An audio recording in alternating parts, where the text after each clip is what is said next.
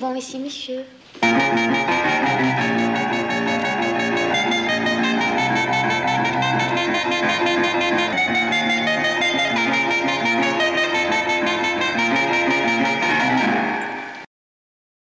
Kanpoaldea. Eguna. Laszlo Kovacs pasieran. Neskatua hurbildu egintzaio eta sinadura eskatu. Gaztetasunaren alde, diotxo. Ezetz, Laslok, Michel Poakagek, Jean-Paul Belmondok, ziur. Neskak, ea zergatik, galdera arrapostu. Ea gaztediaren kontra dagoen. Baietz besteak, nahiago dituela zarrak.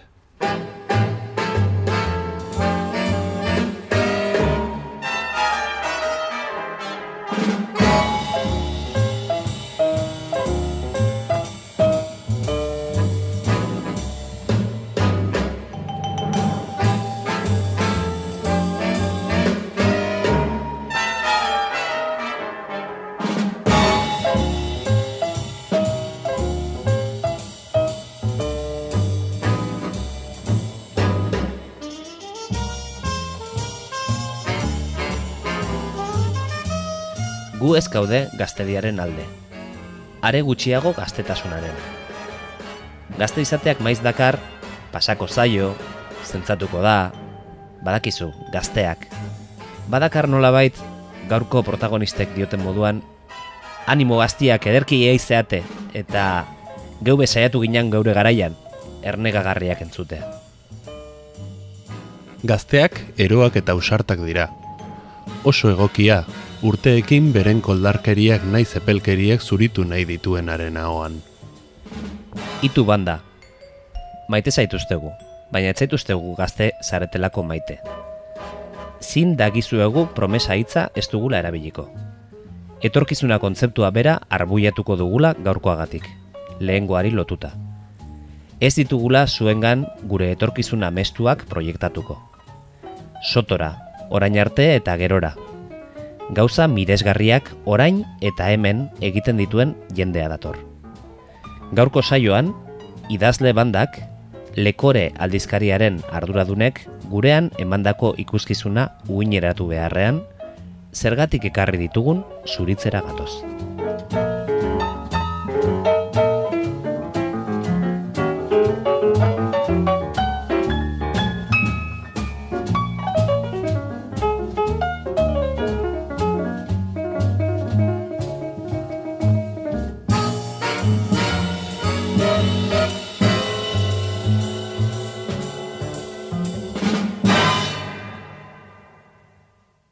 Altxa eskuak, hau lapurreta bat izango da.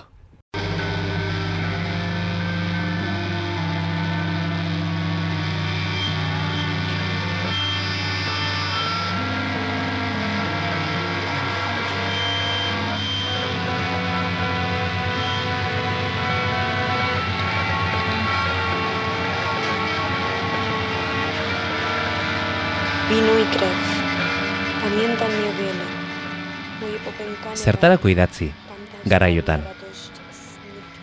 Zer esango liguke Helderlinek, ogia eta ardoa falta etzaigun oi. Poesiak ematen aldu jaten, jakituriak ematen aldu jaten. Zergatik lasaitzen gaitu miseriari idazteak, gai banalei buruz idazteak baino gehiago. Eta esan aldaiteke banal euskaraz, gurean gai banalik ez dagoelako alda. Zer eta nola idatzi garaiotan? Nola idatzi irakurlego ahalik eta zabalenari? Nola idatzi aldi berean limurtu eta ernegarazteko? Nola idatzi niretik baino guretik? Nola idatzi eder baino gordin? Nola idatzi aurrekoei kopiatu gabe? Neure izatean ere, neureak ditudan geroz eta gauza gutxiago aurkitzen badut. Nola ez definitu horren beste idazteragoa zena? Nola idatzi, aurrez nola idatzi pentsatu gabe. Enaiz akordatzen. Martin Larralde galeretan ala galderetan hil zen. Hilal gaitzake galdera batek. Ez alda hiltzea bera, denik eta galderarik sakonena. Hil hiltzen alda ezer benetan. Eta ala balitz, eta sortu oro hilen balitz, zertarako hasi ezer berri egiten. Zertarako den bizitza jakitera iritsiko algara. Nola zen ur zaharra ematen zuen iturri berriarena. Zaharrak zer eman diezaioke berriari. Berri den orogan aldirau zarrak. Nor naiz ni unibertsuago gaitzeko. Maitia, nun zira? Nik aldut honen guztiaren errua. Aita, ama. Zer gertatu zen aita? Desberdina izan zitekeen. Entzun dieza dakezu? Ikus nazakezu orain? Nola sentitzen zara?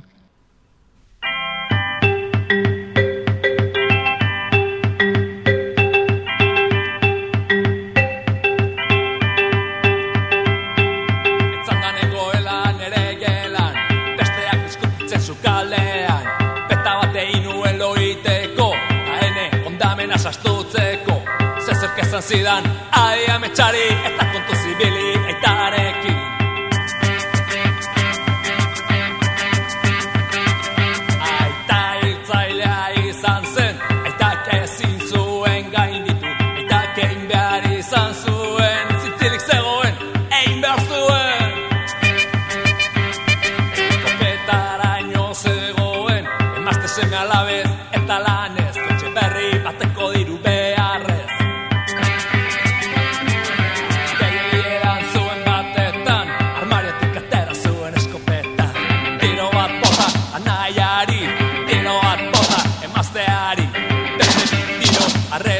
arrepentzat Eta beste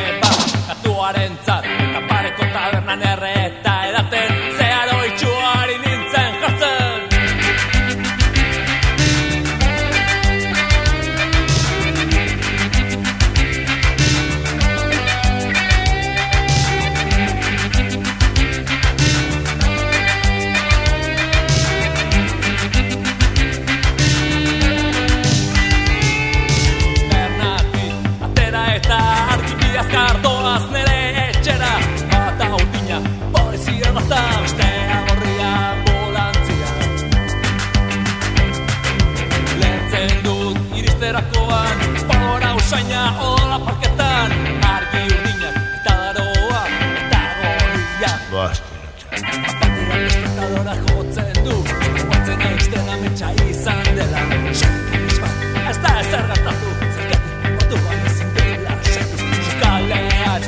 garaitzen dira joak Bata moskortia, bestea kaldua Orduan, posti entzuten dira Eta gero soilik, soitasuna Pasilloan urraz batzuk irristatzen. Aita beleran amaitu nahi ez Zote bat baino gehiago.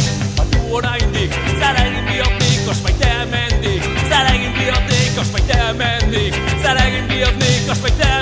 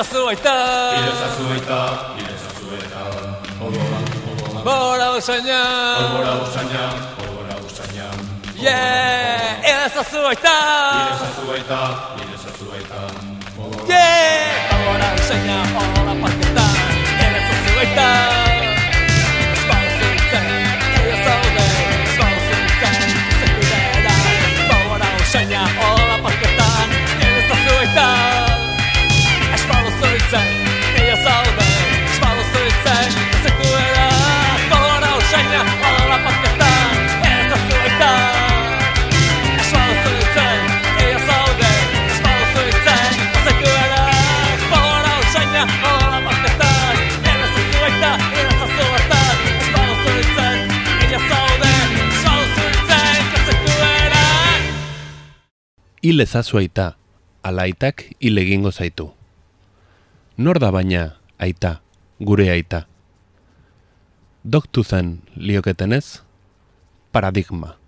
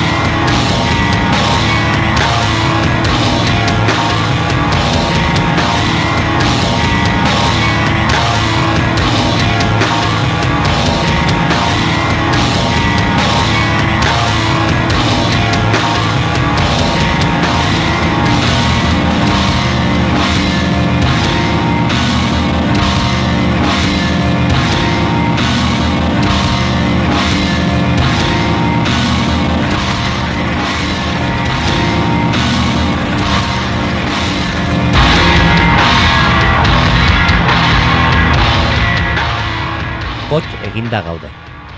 Izkietaraino erreta. Alkoholetan itota. Gure belaunaldia. Belaunikaldia. Degenerazioa. Izen garestiko formoletan. Gernikan lehertu zitzaigun obus bat bihotzean. Eusko gogoa generazioz. Degenerazio ustela da, aspaldidanik. O Euskadi, psikotropikala. Korrok porrot, idatz eta mintz, txistu itan bolin. Non ote da eusko gogoa? Gernikan lehertarazi ziguten bihotza. Geroztik kandela bat liburutegi bakoitzean. Literatur gazeta, ez literatur gaztea. Gure belaunaldiak, zintz hilik. Geroztik, kandela bat plazara Vladimir noiz aterako. Gartziarena, gartziarena, non galdu ote da eusko gogoa. Degenerazioa, belaunikaldia. Biotza obus batez Euskadi psikotropikalean. Barnean zerbaitek egin zigun kra. Formoletan igeri, esne mamizko zeruan egan. Eta etorriko direnak, noiz hilko garen esperoan. Bedeinkatuak, santifikatuak, bigarren milurtera iritzi aitsin sortuak. Arima garbi eta humildunak, barkabera, onbera hutsak, inozentziaren ispilu eta familiaren irudi glorifikatuak. Gu, mantxarik gabeak, izpirituz bezain gorputze zotzanak, ezertxo egin aurretik penitentzia egiten ohi dugunak. Zentzu gabe zale, etxe eta fortuna dezentearen jabeak, gu, bidean galduak, bide zuzenaren faltan okerbidea hartu ezkenuenak. Jaiotzatik zirkulutan ibiliak, aurretik datorkigun nekeak nekatuta. Gu, emezortzi, emeretzi, hogei urte, eta guztiak eta bakoitza, besteen menetik askatu naiz bizi izan ditugunak, oi koldarkeriaren tristea. Ogia eta ardoa ahora eman digutenak, ogia eta ardoa falta izan etzaigunak. Taberna zuloetara jaurtiak, regetoiaren fruituak. Eztabaida antzuetan mozkortuak. Gu, Euskadi, Basque Countryn jaioak. Aberria are gehiago uskurtzen ikusi dugunak. Aro berri santuan noizbait sartuak, eta lehen beste jipoitzen gaituztenak. Sarriren irakurleak, gaurko amorruak ahaztu, eta hurrengo amorraldira arte lasai biziko garenak. Gurasoei emandako pelotazoak saietxetan nabaritzen ditugunak. Iragana atzetik nabilkigunak. Begirada tinkoen aurrean kokiltzen garenak, gixajoak eta kakatiak.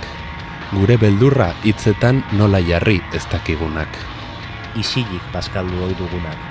Arbasoen errua bizkarrean daramagun errugabeak. Aitonaren alkandora zaharra soinean darabilgunak. Miserableak. Gure hitza haizeak eraman ditzala. Amen.